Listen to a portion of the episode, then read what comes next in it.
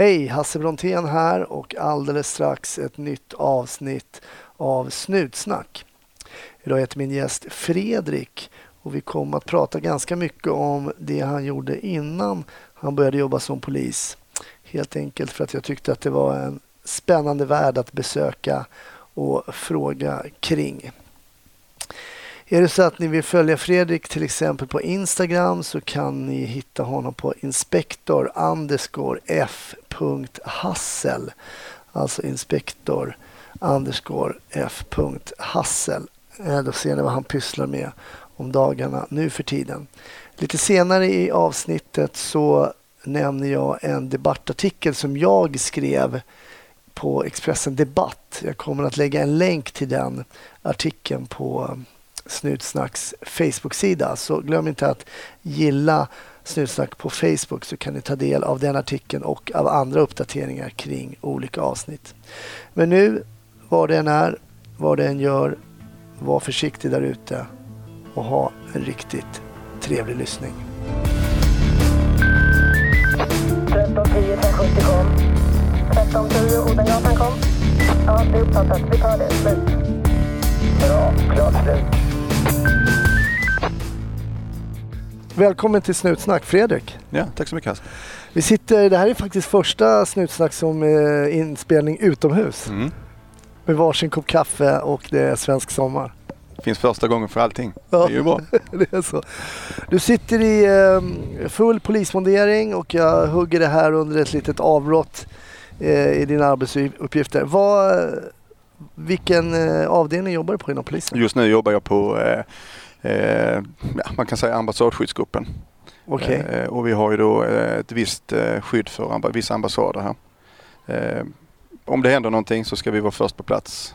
RLC, då ledningscentralen, kan inte tas i anspråk om det inte blir något typ Drottninggatan eller sånt där.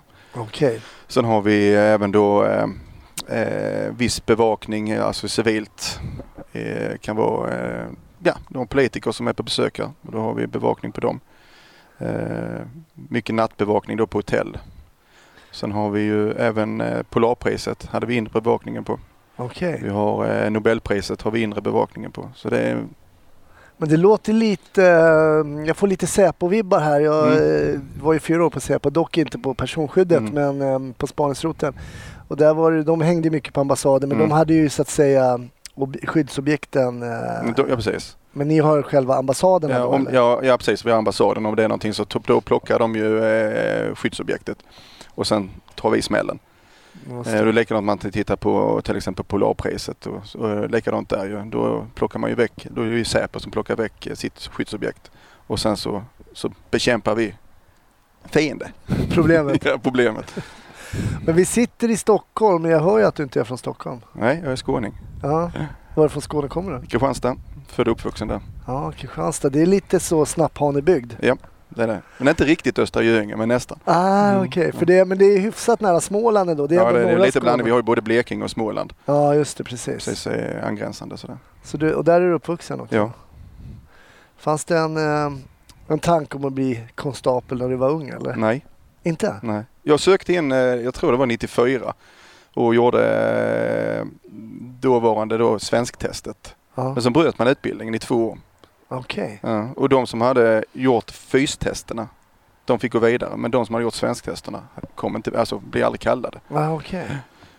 Så att, eh, sen var det två år, sen så la jag det på hyllan och sen så fortsatte jag inom försvaret och eh, ja, lite massa annat. Och, eh, så det var inte förrän 2000 som jag slängde in en brasklapp när man öppnade i Växjö. Jaha, så du gick i Växjö? Ja, första kullarna där. Hur var det då? Var en av första kullarna? Det brukar alltid finnas lite så barn. Nej men det var ju det att vi fick vissa lektioner fick man hålla i en aula på en grundskola och lite sådana där grejer. Aha. Det var ju på uppbyggnad då men eh, så att det Men det funkade. Det, det polisiära där var ju rätt så klart när liksom skjuthallarna var klara. Eh, och de, den biten. Men allt annat föreläsningar och sånt där fick man liksom hoppa omkring i hela Växjö för men du sa att du eh, gjorde svensktestet där och sen mm. så, men vad gjorde du emellan då du, eh, innan du sökte igen? Eh, då, eh, ja, jag har gjort en himla massa FN-missioner har jag gjort. Ja. Eh, jag har även eh, Men var du, blev du yrkesofficer också då efter mm. lumpen? Okej. Okay. Mm. Så, men där fortsatte jag. Nu, är jag, ja, nu jag har slutat men jag var ju även nu GSST, gruppchef på en eh, CV90-vagn eller då med den truppen som sitter bak. Men i reserven då? ja det var det men nu är det, jag har slutat där nu. Så det är inte, För man blir väl, är det inte så att man blir krigsplacerad som polis om man jobbar jo, som polis? Jo, men jag blev krigsplacerad både inom försvaret och inom polisen. Okej. Okay. Mm. Och hur de sen skulle dela upp det, det vet inte jag. Vem som skulle äga resursen. Jag har ingen aning. Men varför släppte du försvaret där då? Det, fanns det någon anledning? Ja, men det är familj. Ja. Mm. Jag, har, jag har tagit för lite ansvar till mina barn på grund av mitt eh, resande och åkt iväg för mycket. Och nu har jag fått en, eh, en liten dotter på tre och ett halvt år nu då. Och då, mm. då känner jag liksom att jag måste nog sätta mig ner och lugna ner mig lite. Hon ska inte, hon ska inte, som mina andra barn har jag tappat väldigt mycket eh, deras uppväxt. Okay. Ja, och det tänker jag inte ge henne utan hon ska ha sin pappa. Mm. Är det... Jag kan känna igen mig lite grann där att man är ung och man mm. Kanske felprioriterar ibland. Man gör det man vill göra och sen så är, är, Man har inget konsekvenstänkande, det är det som är problemet. Man gör ju det som man känner för stunden. Sån var jag i alla fall. Mm. Uh, jag gjorde det som du vet och även att jag är före detta legionär. Och det gjorde jag ju det liksom på 80-talet Fått... Och när du säger legionärer ja. för lyssnarna så mm. menar du Främlingslegionen? Ja. Och vad är, för också de som inte vet, vad är Främlingslegionen egentligen? Eh, Främlingslegionen är en, eh, en ja, eh, vad ska man kalla det, en egen armé i Frankrike eh, som Frankrike disponerar då fast det finns inga, egentligen inga franska soldater där. Eh, utan det är ju utländska soldater. Man söker alltså, det är, det är ett jobb. Så, eh, man söker jobb som soldat helt enkelt? Ja, det gör man. Men vad, hur gick det till och söker man då från Sverige? Och... Nej, jag, nej, på den tiden fanns det ju inte internet ju. Nej. Så det lilla man visste det var ju liksom att det, det fanns och sen fick man läsa sig till, man fick gå till biblioteket och bläddra lite i tidningar och sånt där. Så att, eh, på den tiden då 1988 var det nog, så eh, var vi 12 killar som skulle åka. Okej. Okay. Mm. Liksom, men vi var en som åkte. Och det var jag. Ja, det var det. det var jag som åkte. Men det var väl, de, det var väl inte bara så här, hej jag vill komma och så, så blir man främlingslegionär? Nej, alltså, alltså, nej, alltså det jag gjorde, jag, liksom, jag köpte bara en biljett till Marseille.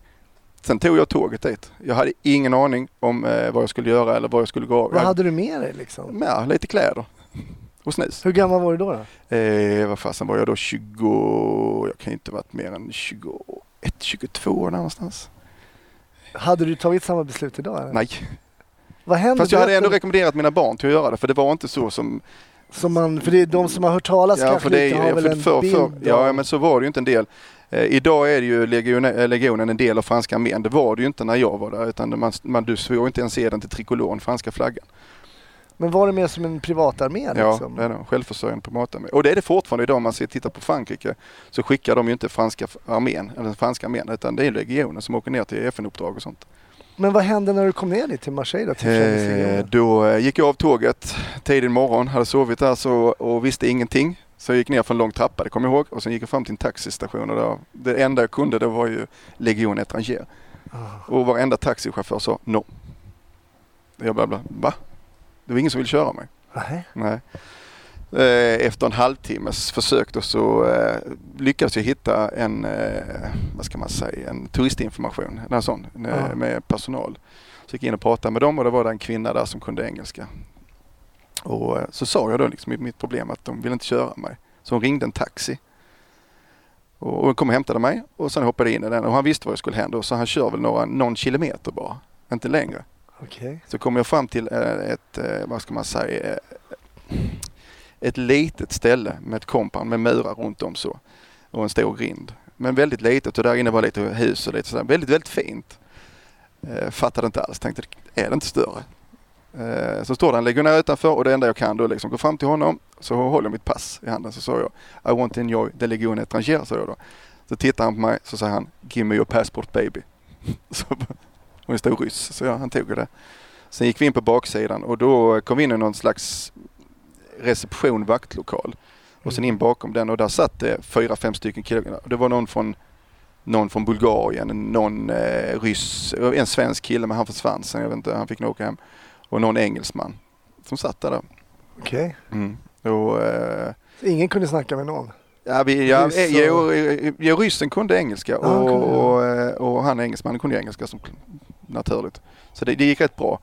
Eh, och, eh, men vi var där ett par dagar och jag förstod inte vad, alltså för det var väldigt litet. Ja. Men det visade sig sen att det är Hotell Mosta. Det ligger precis nere vid Medelhavet, alltså i Marseille. Eh, och det är ett hotell som eh, man kan åka till om man inte kan åka hem till sitt hemland. Okej. Okay. Mm. Så, eh, så där gick vi då i tre dagar och plockade hundskit och städade. Okej. Okay. Ja. Och sen, Men eh, var ni liksom, hade du skrivit på något papper Nej, då, ingenting, eller? ingenting. En liten, en liten, liten kort intervju om vem jag var, var jag kom ifrån och bla bla bla. bla. Eh, sen eh, efter tre dagar så kommer det en, en blå buss och hämtar oss. Sen åker man till första regementet, då i Aubange. Alltså, huvud, alltså hjärtat av legionen är det då. Det ligger någon kilometer utanför Marseille. Och det var lite större kanske? Mm, det var mycket stort var det. Var det. Och där blev man då inslussad i en, eh, i en del av det här regementet då liksom med murar och sånt. Och där, eh, där började man med fystester, intervjuer. Eh, vi hade ett Gestapo kallade vi dem då. Då sitter man och pratar med, precis som du och jag gör nu. Okay. Då ska du berätta från den dagen du föddes till dagens datum. Oj. Exakt. Och då kan man få någon motfråga så du ska berätta och de sitter med solglasögon på sig och bara tittar på det. Jävligt obehagligt. Och, och sen eh, den kanske intervjun är kanske en timme lång. Men funderar aldrig så här, alltså var det här verkligen rätt jo, beslut? Jo, fan jag sov ingenting på nätterna. Det var så? ja, ja. Man låg liksom i vakt. Eller man, man rörde sig inte. Man var, eh, det var jätteudda var det. Oj. Och sen så i alla fall så fortsatte man med då sådana tester som vi har även inom det svenska försvaret och intelligenstester och, eh, alltså, och de grejerna och fystester och, och lite sådär. Var det påfrestande även fysiskt här när du gjorde tester? Och... Nej, det vill jag inte påstå. Inte där och då. Nej. Inte där och då utan eh, och sen så, och så varje fredag var det ju uppställning då och då, eh, då sorterade man ut lite folk. Eh, och vissa fick åka hem och vissa blev, vissa blev då rouge, hette det, fick man en röd axelklaff för då var man klar för att gå till regement. Men visste du vad de hade baserat det Visste du varför vissa fick åka hem nej, och varför du fick Nej, stanna? det fick du aldrig reda på. Ingenting? Nej. Ingen sån information? Nej, ingenting alls. Men det här fortgick ju varenda fredag. Det kom ju nytt folk hela tiden. Okay. Eh, så att det trillade, jag tror det var 200 pers konstant. Och så sorterades det ut varenda fredag så skickade man hem folk. Men fick ni någon information vad ni eventuellt skulle komma att göra i framtiden? Nej, Ingenting? Ingenting, ingenting. Vi visste inte ingenting. Men hade du signat någonting här nu? Eller? Nej, det hade jag inte vad jag kommer ihåg. Antagligen hade jag skrivit på någonting för mm. tillfälligt då. Mm. Eh, men så jag, de bytte namn till mig. De sådär, bara bytte namn. Så Michel Anders hette jag då. Mm. Men jag vet inte varför. Det var vissa så bara, du, du, du.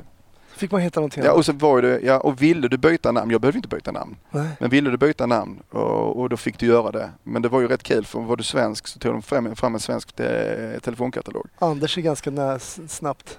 Ja, och sen bara pekade de på ett namn så fick du heta det. Okay. Vi hade en kille som han hette Lars typ något sånt där och han ville byta namn och han hade något suspekt bakgrund i Sverige, det vet jag inte. Men han fick, fick heta Rutger. Jag vet inte om det var mycket bättre. jag vet inte.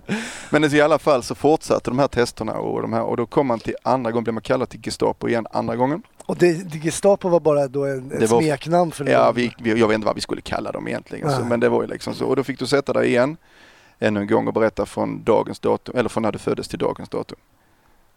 Och inga avvikelser. För det ifrågasatte man sådär. Och det, det gjorde man då ju. Och sen var det också klart i en timme kanske det tog sådär.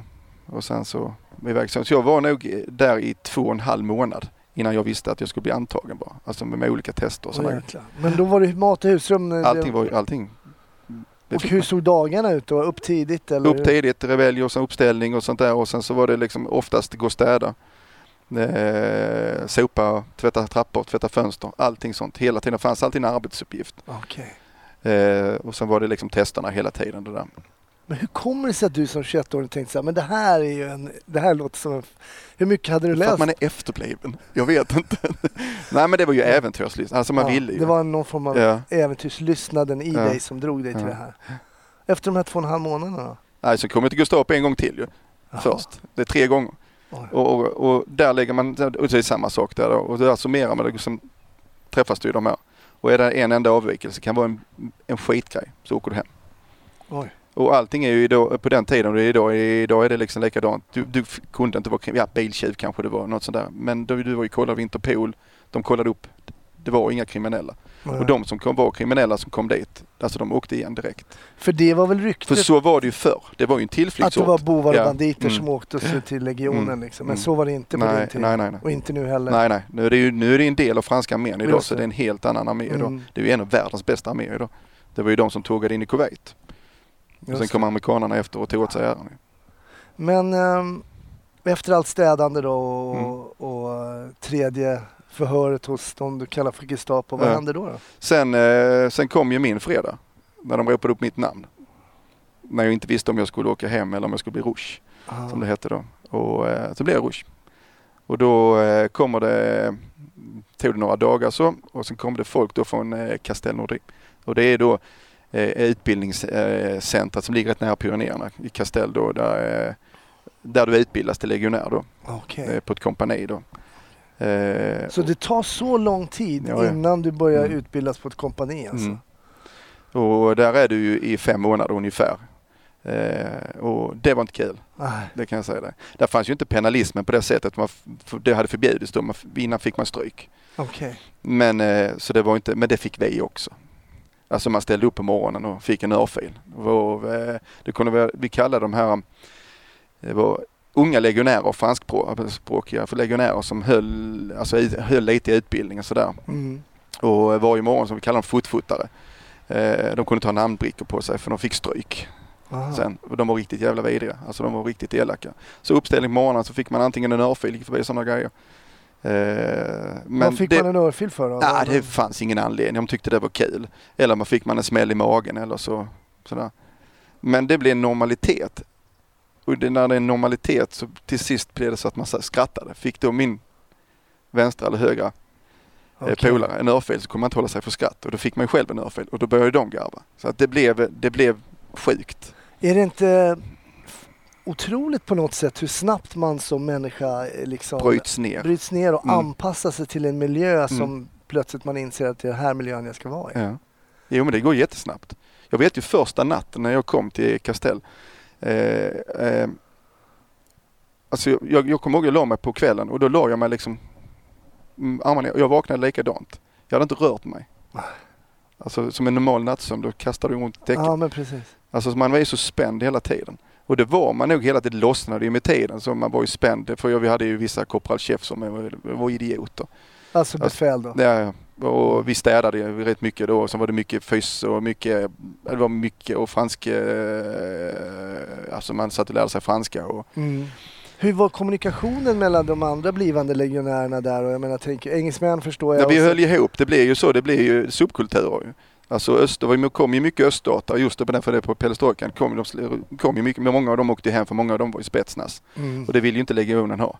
Okay. Eh, det är ju svårt att bryta ner någon som redan har varit nedbruten och, och de var ju rätt tuffa ju. Eh, och, eh, men var det så att norrmän och eventuellt danskar eller? Var nej, nej, vi höll ihop. Engelsmän, norrmän och danskar, vi frankafon som vi kallade oss. Det blev så. Vi pratade, även om det är frankafon är fransk. Vi, vi blev en, eh, öststaterna blev en och sådär. Men, sådär. Och vi hade ju enorma konflikter mellan grupperingar. Vi slogs ju varje dag. Okay. Mässen var ju öppen så då gick man ner till mässen och sen efter mässen, ja då visste man på baksidan, någon man hade retat sig på så slogs man. Men då var det ju avklarat sen, den som hade förlorat, ja sen slogs man ju inte mer. Så det var ju, det var ju en renhårig fight. Det var ju inte liksom sådär så att man eh, dammade på varandra ordentligt utan det var en box. Jag ger mig så var det klart. Men jag tänker det här är ju också då personer som ni senare då ska jobba, jobba tillsammans med. Ja men det funkade det, var den, det blev en sån kultur, alltså det funkade jättebra när vi väl jobbade tillsammans. Mm. Men eh, när vi satt på mässen, det räckte med att du tittade snett på någon. Då började det bråk direkt. Alltså, det mm. var så. Mm. Det var väl ganska mycket, jag tänker många 21-åringar där Testosteronet var ju extremt, ja, ja, det var ju jättehögt. Ja, jag förstår det. Alltså. Och sen liksom, man fick ju inte, man fick inte vika sig heller ju. Nej. Man fick ju vara liksom hela tiden den här grejen att man var ingen fegis. Och vad var syftet då? då? Jag tänker på, um, på befälen. Vad var syftet? Vad var vad man, man ville uppnå med att behandla det på det här sättet? Så det är väl en gammal kultur att man ska bryta ner och sen bygga upp och det lyckades de med. Jag kan inte påstå att vi fick jättemycket stryk men vi fick ju smälla lite här och där och det var ju jag vet en natt så liksom bara kom de och väckte oss och, och, så fick vi gå ut och satt vi liksom äh, ute då och det var vinter då, eller höst, sen höst, i kalsongerna. Jag fick sitta där på natten. Eh, Hur länge satt ni då? Hela natten. Och jag menar det var rätt så nära Pyrenéerna så det var ju kalla vindar som kom ju. Men vi fick sitta där. Men man gnällde inte. Man bara satt där? Ja. Försökte liksom sitta nära och hålla värme. Men vad såg du fram emot under den här tiden? Jag, då såg jag ingenting. jag kan säga, jag kommer inte ihåg. Alltså Nej. just den tiden när man tog dag för dag. Det var så? Mm. Men jag tänker på eh, du och tänkte på Kristianstad? Och... Det är klart jag gjorde. Uh. Det gjorde man ju. Så ångrade jag mig. Och det gjorde jag nog bitvis också vissa perioder ångrade mig men eh, med stora hela gjorde jag aldrig det sen. Alltså jag, Nej. Men sen blev du färdig? Ja, sen så i alla fall så är det på så kommer man i alla fall, då är du där och sen så eh, efter några veckor så åker du till något som kallas Farmen. Då är det eh, Ja det är egentligen, förr i tiden var det några, några stycken gamla bondgårdar. Mm. Men de är upprustade då så det är som kas, eh, kaserner alltså så. Och där började det ju riktigt eh, med övning med vapenhantering, eh, fys och allting sånt där. Riktig militär träning. Penalism genom att bryta ner en totalt, komma in på natten, välta skåpet, plocka ihop igen. Alltså hela tiden. Du kunde sova två timmar per natt kanske. Ja. Mm. Hur mycket hade du hjälp av din svenska militära utbildning? För du hade ju gjort Men den, den, faktiskt mycket. Var det så? Ja. Mm. Och där fick man faktiskt, vad ska man säga, vi hade och vi har också nu för den delen, en väldigt bra utbildning, militär utbildning i Sverige. Och den kunde man då liksom applicera även där. Eh, så den, den får jag säga att eh, de som kom som inte hade gjort lumpen hade det jättesvårt. Just det, jag kan mm. tänka mig att du hade en fördel som ja. hade gjort lumpen. Ja. För då fick de andra fick börja om verkligen Ja, ja de hade ju ingenting. De hade inga, inga, inga referenspunkter till någonting. Men det var inte likadana automatvapen va? Nej, vi är FAMAS heter den då. Men det är ju principen är detsamma. Ja, mm. Okay. Ja. Så att, eh, men så var man i alla fall på farmen och där var det eh, x antal en tid och eh, den tjänstgöringen måste du göra innan du får din keppe blanche, den vita keppen. Just det. Ja. Sen är du legionär och sen svär man ju trohetseden. Vad innebär det då att man svär den här Men du svär trohetseden till legionen att du ska verka för dens och göra bla bla bla. Ja. Men när man svär den, för hur länge gör man det liksom? Det är fem år. Fem, fem år? Fem år gör du. Och då visste du att nu är det fem år? Ja, det visste jag. Men du visste inte vad du skulle göra? Jo, det kunde jag välja. Aha. Alltså antingen så kunde man välja, jag ville fortsätta inom infanteriet, det var, det, liksom, det var min grej mm. Eh, de flesta vill ju till andra rep Korsika för fallskärmsjägare. Mm. Det, liksom, det, det, var många som ville dit där. Det är svårt, men det var många som sökte dit. Sen kan du ju åka världen över. Alltså eh, Guyana, vad du ville. Så de har ju bestickningar De konflikter överallt. som man visste att legionen alltså var där de fanns. Alltså. Ja, ja, men det, ja, ja, precis. Och då skickar man ju hela förband ner till de konflikterna. Aha. Som Libanon till exempel, de var ju Kosovo, de var, har ju gjort, alla fransmän du ser de franska eh, soldaterna som har varit runt om de här konflikterna, i Balkan och överallt, det är ju legionärer hela högen. Det är det? Ja. Och de kan fortfarande vara från hela världen? Ja, ja. Men var fick du åka iväg först då? Eh, Djibouti. Djibouti, det är mm. Afrika? Mm. Och vad hände? Var, var, var, varför åkte Främlingslegionen till Djibouti för de har en bestickning där nere. De har ett regement där nere. Och det är där till exempel som eh, svenska flottan, de som jagar somalier, eh, de piraterna, det är deras depå. De hämtar mat där också och så till båtarna. Okay. Men där var ju ingen större konflikt då ju, Nej. utan det var mer att hålla den. Så i legionen så hade jag ju inga större konflikter. Eh, det var ju krig. Men inte, det var ju ett inbördeskrig men inte, det var ju småskaligt i Djibouti så det var inget men det var ingenting, det var, var, du inblandad i någon form av strider där i Djibouti? Ja, ja alltså vi sköt på så vi sköt, men inget, ingenting direkt, inte sådana strider som jag var i Afghanistan till exempel. För sen kom du till Afghanistan? Ja. Och när var det då? Ja det var 2010 på FS19 som jag stod okay. Det är det sista jag gjorde. Men då var det, det inte för legionen? Nej det är det svenska, för... då är jag tillbaka i svenska försvaret. Just det, precis. Ja. Men de här fem åren då, hur har de format dig som eh som person? De här fem eh. åren hos Främlingslegionen? Jag har inte blivit vuxnare. Nej. jag är fortfarande äventyrslystnad i mig. Den formade mig nog så pass mycket, man blir rätt ödmjuk. Eh, I vissa situationer. Jag har, eh, alltså det är svårt att säga. Mm. Det är jättesvårt. Mm. Det är nästan så du skulle fråga någon annan som har känt mig hela mitt liv. Hur ja, jag, kanske. Ja, men man är alltid mm. sig själv liksom och det är kanske är svårt att svara på det själv. Uh, för man kanske inte märker de förändringar man gör riktigt. Och sen om det går under en femårsperiod också. Mm. Men hur, hur mycket kontakt hade du med hemma vid så att säga? Det, det hade jag ju bra kontakt. Problemet var ju när du kom dit först. Det tog mig tre månader innan jag fick prata med mina anhöriga. Ja, just det. Men jag kommer ihåg jag ringde hem första gången, då var jag en vanlig telefonhytt så, eller kiosk så, de ja. gamla. Och så var det collect call så jag hörde ju liksom när hon frågade, när telefonisten frågade min mamma om hon var beredd att ta collect call och jag hörde bara hon skrika ja, ja, ja i bakgrunden. Ah. Ja. Och Hur var det att prata efter ja, det var, alltså det var ju, man grät ju som ett barn. Ah. Ja. Så man saknar ju dem även om man inte liksom visade det så, eller man kanske inte trodde. Det var ju inte förrän när jag pratade med henne som allting brast. Just det, precis. Hon visste ju ingenting om mig. Hon hade inte hört av mig på tre månader. Och jag kommer ihåg när jag åkte den dagen. Eh, då stod hon liksom i, eh, i köket så sa jag går så, så då, och då var hon ju ledsen. Det var det liksom sista jag såg henne. Ja, jag. Och, och sen då ovissheten när sonen är försvunnen i Frankrike. Eller var jag nu var, det visste hon ju inte. Ah. Och du visste kanske inte heller att du inte skulle få möjlighet att ringa hem? Nej, liksom. Nej det hade jag ingen aning om. Så att, eh... Men du väljer ändå sen då, för du blir ju, du går skolan, ehm, eh, vad sa du, eh, när gick du skolan? 2000. Just det, 2000. Mm. Och sen så åker du på missioner sen. Mm. Men när du, efter du är klar med polisskolan, vad jobbar du då? Är du nere i Skåne eller? Ja. Mm. Men om vi håller oss kvar lite vid militären när vi ändå är inne på det. Du berättar att du åker till Afghanistan. Mm. Är det fortfarande den här äventyrslystnaden i dig som mm. får åka? För det här mm. är ju en det är ju nästan konflikternas konflikt vid den här tiden om mm. man ska titta på... I Afghanistan är det det. Ja. Vi har ju, vi har ju stupade kamrater där också då under den perioden. Ja. Och jag åkte ner då som eh, på ett mått-team. Eh, Mobile Operation Team. Så vi åkte, vi låg ju ute hela tiden. Vi låg på stationerade i en, eh, en ja, större stad. Några, eller några mil från, 20 eh, mil tror jag det var, från eh, Masar Sharif.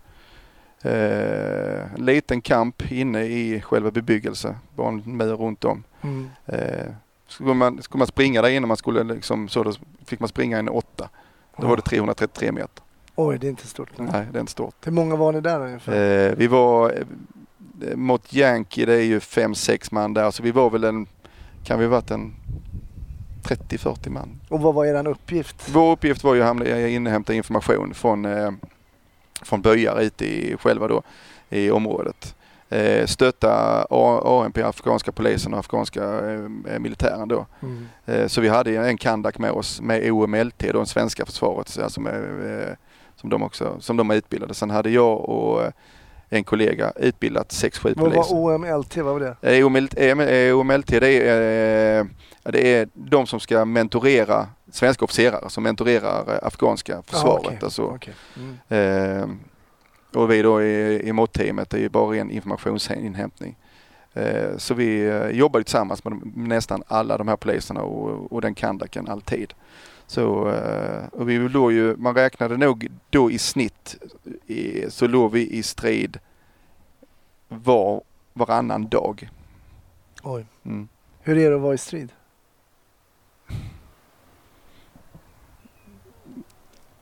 Jag tycker man med adrenalin så, för det har man och det gör mm. jag. Mm. Men är det... Alltså det är så, det är ju inte första gången, första gången jag var i strid var i Libanon mm. på 80-talet. Så det, och det var när och, du var legionär? Ja. Och, och, och, sen har det vuxit, sen har jag varit liksom så, men jag får ändå säga att Afghanistan var nog det som var, var värst. För det var hela tiden. Mm. Eh, det var Johan och Gunnar som eh, gick bort båda, båda två ju. Eh, Bengt som var chef nere på Isaripol, han förlorade båda benen.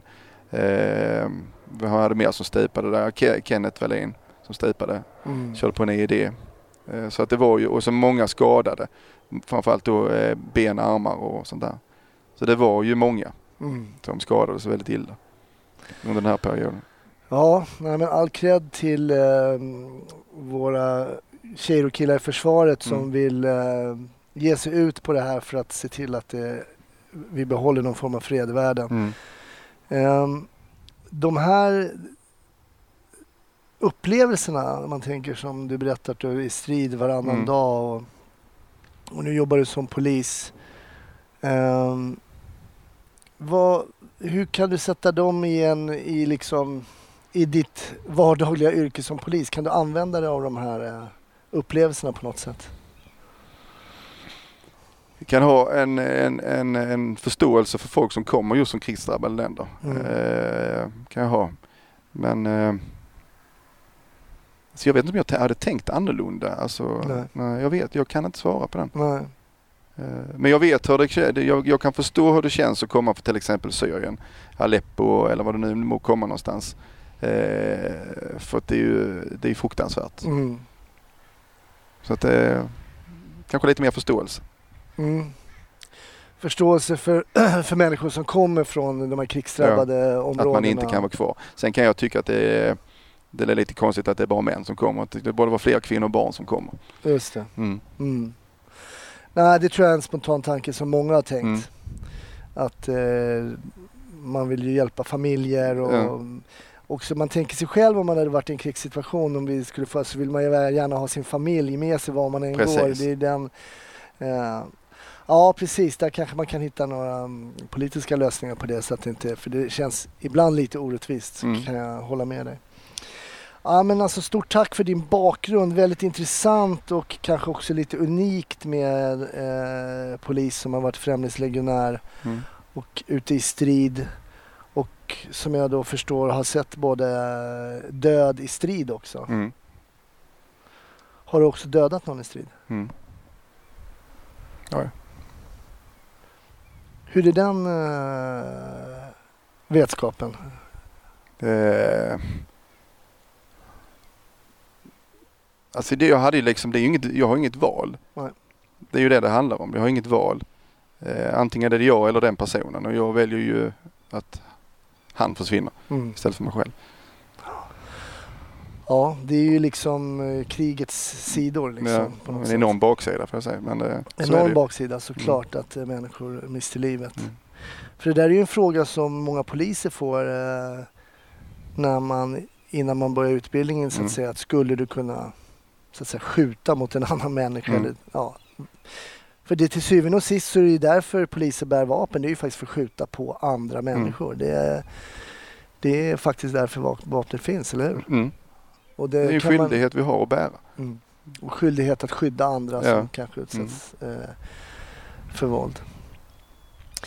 Jag brukar ju be alla mina gäster i, i, i Snutsnack att berätta om en situation som har varit med som poliser.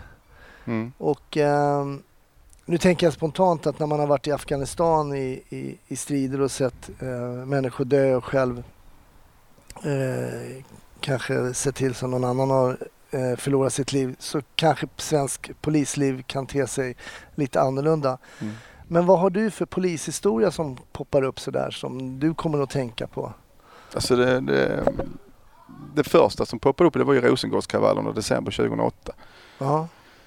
Eh, jobbade du i Malmö då? Eller? Ja. Nej, då jobbade jag i Kristianstad för mm. det tillfället och eh, jag satt och jobbade med ordinarie då. Eh, och vi hade utbildningspass, så var det. Mm. Eh, så ett tre så kommer någon och sparkar upp dörren och vi sitter där liksom. Hasselbom, du ska iväg. Mm. Eh, du ska till Malmö. Och då hade det ju börjat bränna loss på Rosengård på Rammelsväg. Så vi, vi visste ju inte mycket mer. Så jag vet inte om jag var själv som körde från Malmö eller om det var någon till mer än mig. Eh, vi var rätt så blandade grupper när jag kom ner till Malmö. Sen fattade jag digniteten att de hade ju gått bananas fullkomligt på Rosengård. Ja, vad var det som hade hänt här? För om vi, om vi backar bandet för att komma ihåg. Man hade ju... Eh... Man hade stängt moskén, eller det så kallade, det var ju, man hade ett, en, en, en, en samlingslokal mm. eh, som eh, då sen de hade tagit och gjort en moské. Mm. Alltså de bad där inne då. Och, och då eh, fastighetsägaren vad jag fattade som vill ju inte ha, alltså de, de vill, den skulle inte vara någon verksamhet alls där. Okay. Och de fortsatte ju ändå gå dit. Eh, jag har inte riktigt hela bilden men jag för mig att de sa, men det slet i alla fall att de stängde igen och så satte vi container för. Mm. Alltså så bommade igen och det var nog början av den konflikten. Eh, som, eh, sen var det väl ett, något, något gripande där dagen innan eller då som gjorde att det drog igång ordentligt, eh, mm. själva kravallerna då.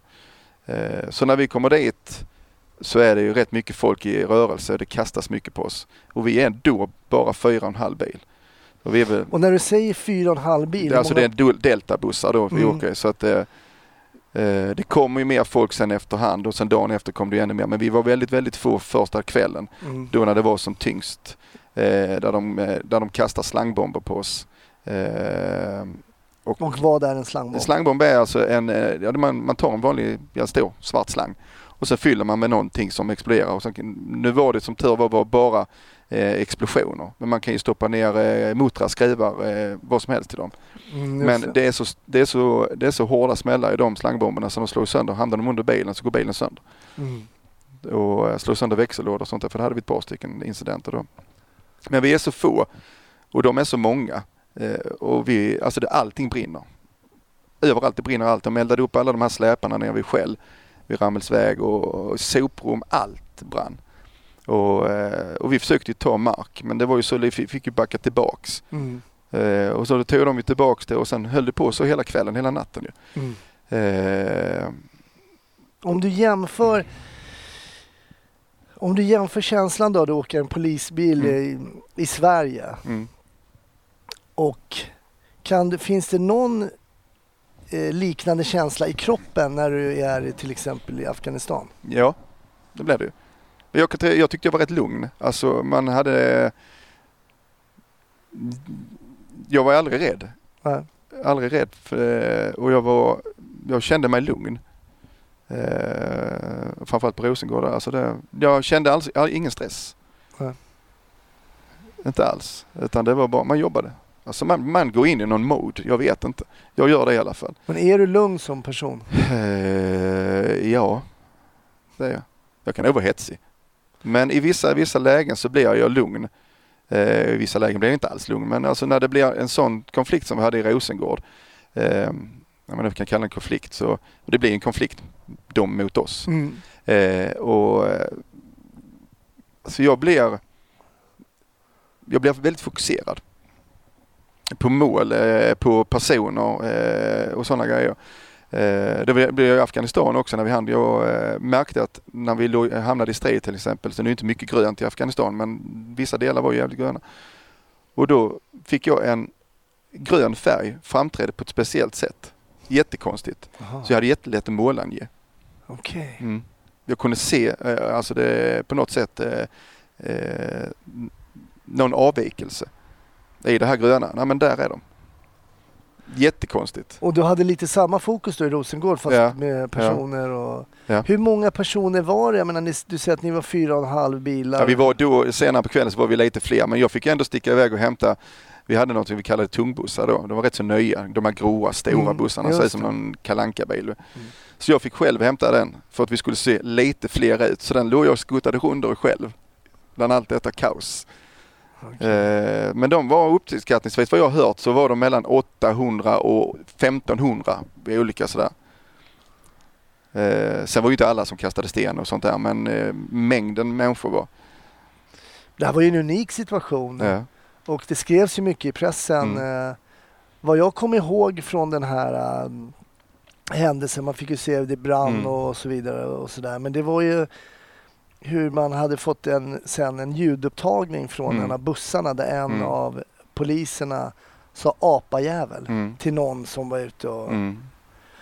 Vad tror du? Um, det var ju mycket snack då, det blev ju direkt snack om rasism inom mm. polisen och sådär.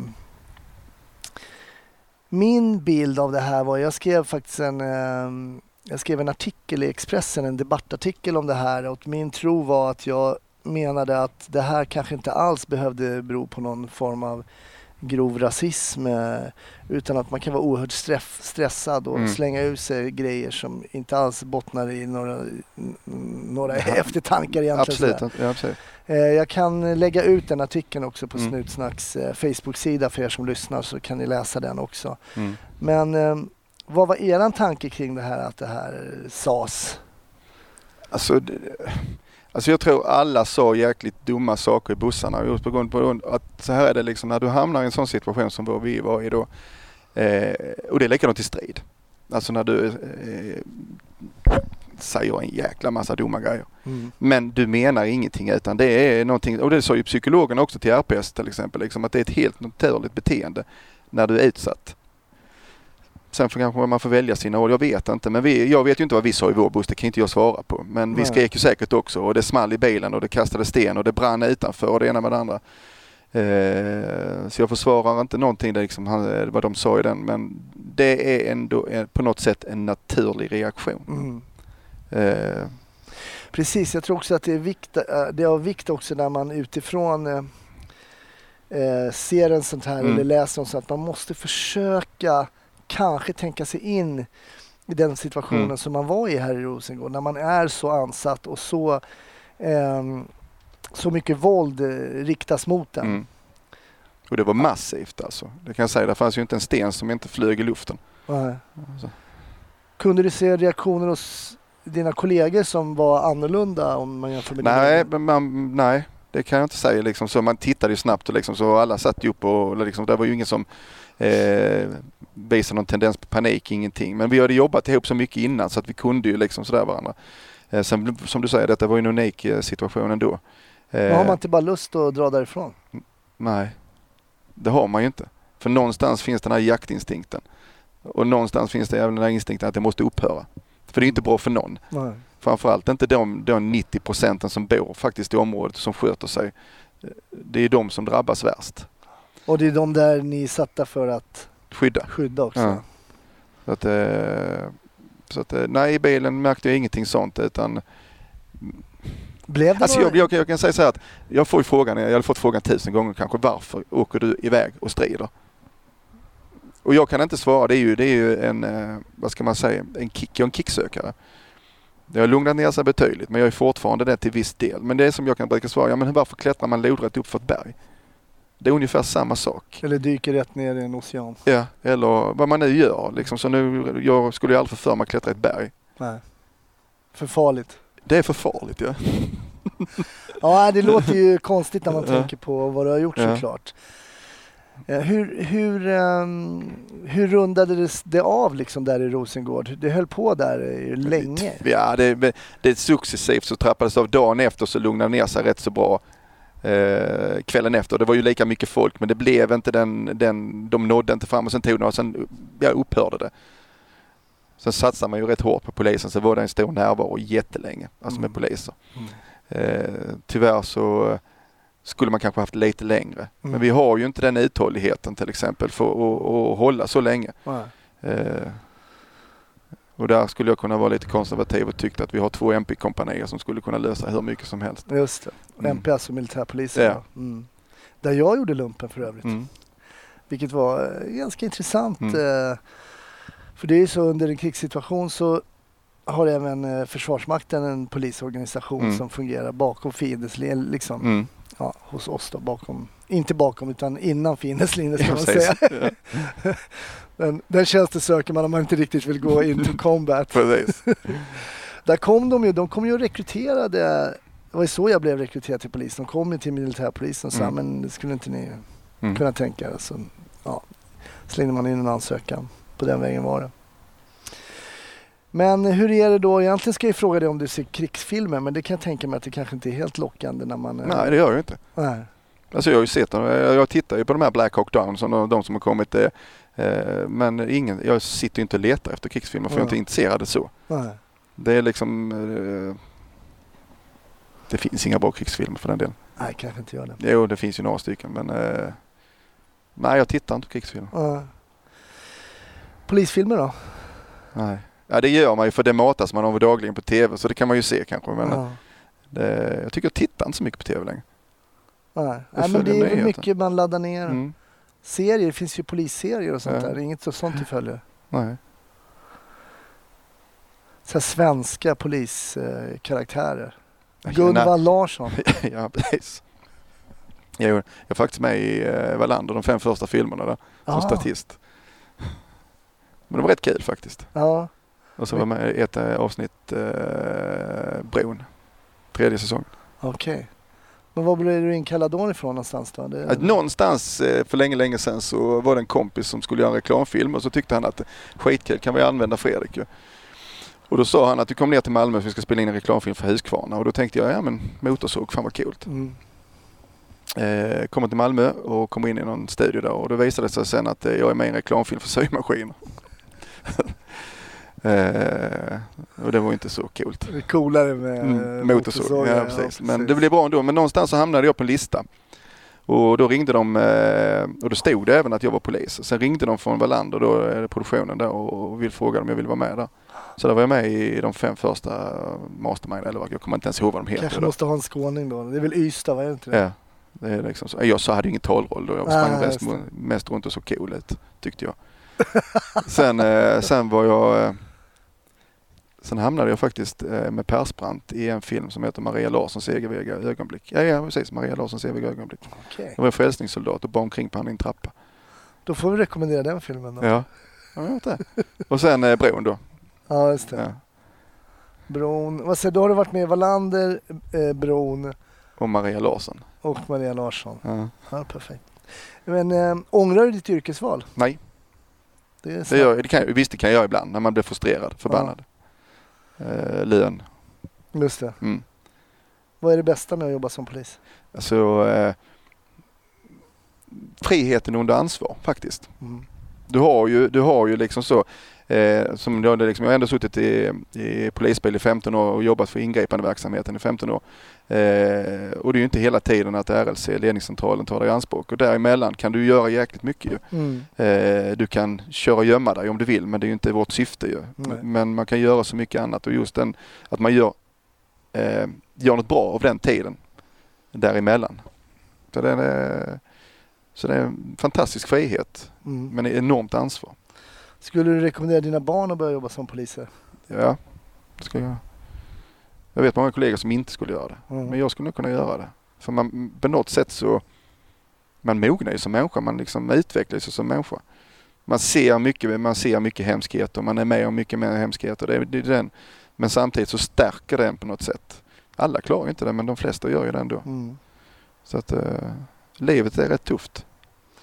Ja och människor är ju eh, väldigt speciella mm. varelser här på jorden. Mm. Människor har ju en förmåga att göra saker mot andra människor som inte är okej. Okay. Vi är destruktiva. Ja, absolut. Mm. Väldigt. Jag menar, mm. vi har ju pratat om ett x antal konflikter i världen som ju människor har skapat och mm. där man måste skicka in andra människor för att ha ihjäl människor för att mm. ja, det blir ju väldigt komplicerat mm. ibland och det det är synd att man inte får följa med några hundra år framåt för att se om det blir ordning på bitarna någon gång. Men... Tror du på det? Ja, jag är tveksam faktiskt. Ja, men kolla på de här konflikterna vi haft eh, liksom, eh, framförallt då i eh, vissa delar i Asien. Det är där man ska skapa... Eh, eh, Palestina till exempel. Ja, där har du det, den biten. Du har Iran eller Irak idag liksom som skulle bli en demokrati. Det blev inte så mycket demokrati där. Eh, det finns rätt många länder idag man, man liksom har försökt skapa en demokrati som har fallit. Idag är det enorma konflikter inbördes mellan olika grupperingar och klansamhällen och sånt där. Mm. Jag vet inte om de blir bättre. Nej, och vi kanske aldrig får reda på det. Nej. Vi är inte kvar. Man, är inte, man får ju bara göra en kort visit här. Det är ju det. Den, går, jävligt, den går snabbt. Och det går fort. Ja. ja. Ja, stort tack Fredrik. Det här var väldigt intressant och precis som med alla olika avsnitt av Snutsnack så kommer man ibland in på saker som man inte trodde. Och idag blev det mycket kring militären och att ha varit inom det militära som mm det visade sig att du hade varit. Och, eh, stort tack för att du ville dela med dig av det. Mm. Eh, Vad kul. Och ha en trevlig sommar. Ja, detsamma. Tack. Ha det gott.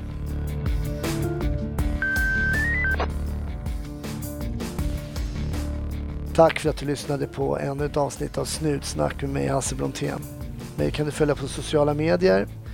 Hittar du mig under mitt namn vill du hänga med Fredrik lite mer i hans vardag som polis så finns han på Instagram under inspektor-f.hassel.